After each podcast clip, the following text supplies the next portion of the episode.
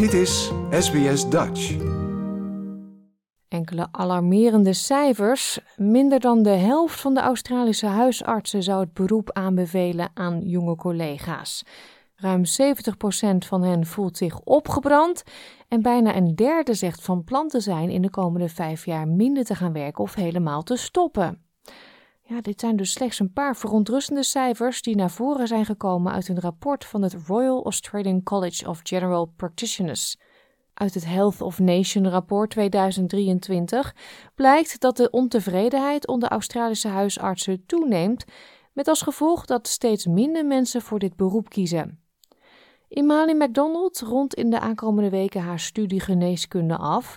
Ze is nog steeds op zoek naar haar droombaan, maar ze weet al wel zeker dat ze geen huisarts wil worden. The decision to bulk bill is uh, a decision between equitable healthcare and quality healthcare, um, which is definitely not something that you ever imagine you'd want to choose between as a doctor.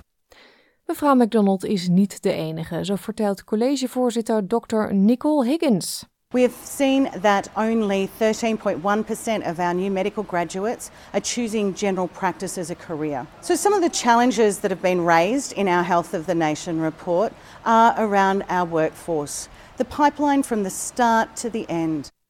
Dr. Kenneth McCrory is huisarts en voorzitter van de Council of General Practice van de Australian Medical Association New South Wales.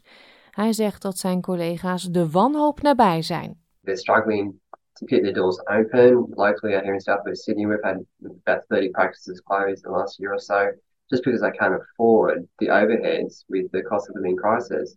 Our patients struggle socioeconomically with, with health determinants and making a living themselves, and they can't afford the ever increasing gap between the Medicare rebate and what they may recommend to we charge for people.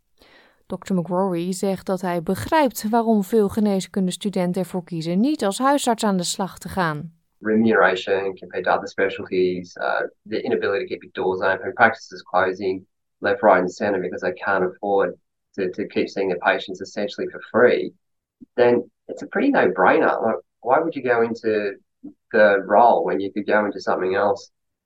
You know, less stress, less pressure, more remuneration, more enjoyment, perhaps less burnout. Um, yeah, it, it's a no-brainer. Dr. Higgins zegt dat er meer gedaan moet worden om diegenen in opleiding en die nog steeds openstaan voor het uitoefenen van het beroep te behouden. With respect to our young doctors, what we're calling on is investment in our young GPs. Let's make sure that they have access to paid parental leave, to study leave, that they have parity with their hospital colleagues.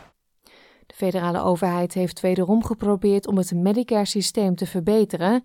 Minister van Volksgezondheid Mark Butler wijst daarbij op de verdrievoudiging van de stimuleringsmaatregelen voor bulkbilling in de federale begroting van mei. I'm very confident that practices right across the country are changing their behaviour around bulk billing because of this historic investment. But that, those data will be uh, published in a very transparent, very regular way by our government uh, over coming months. Dr. McRory is het daarmee eens, maar zegt dat er meer gedaan moet worden. The government has invested a significant amount of money in the current billing incentives and, and the My Medicare program. The problem is it's, it's not enough. It's nowhere near enough, and, it, and it's come a lot too late for a lot of my colleagues and a lot of the patients that they're trying to, to care for. Voor geneeskundestudenten als Imali McDonald voelt het alsof de keuze voor hen gemaakt is. It's really demoralizing to feel like um, what you're eventually doing uh, is going to be compromised in terms of um, impact on patients and things. I guess you go into medicine wanting to do the best that you possibly can for society and for uh, all members of society, and um, yeah, if, if you're sort of unable to do that, it's definitely not appealing. Yeah. Haar keuze om niet langer de huisartsenkant op te gaan bevestigt de angst van de deskundigen. Volgens hen is het onvermijdelijk dat, als er minder huisartsen zijn en de gapfees blijven stijgen, de toestroom van patiënten op de spoedeisende hulp toeneemt. En dus zal het ziekenhuissysteem de uiteindelijke prijs betalen. Dit was een verhaal van Ruth McHugh Dillon en Ryan Tamer voor SBS Nieuws, door SBS Dutch vertaald in het Nederlands. Like, deel, Geef je reactie. Volg SBS Dutch op Facebook.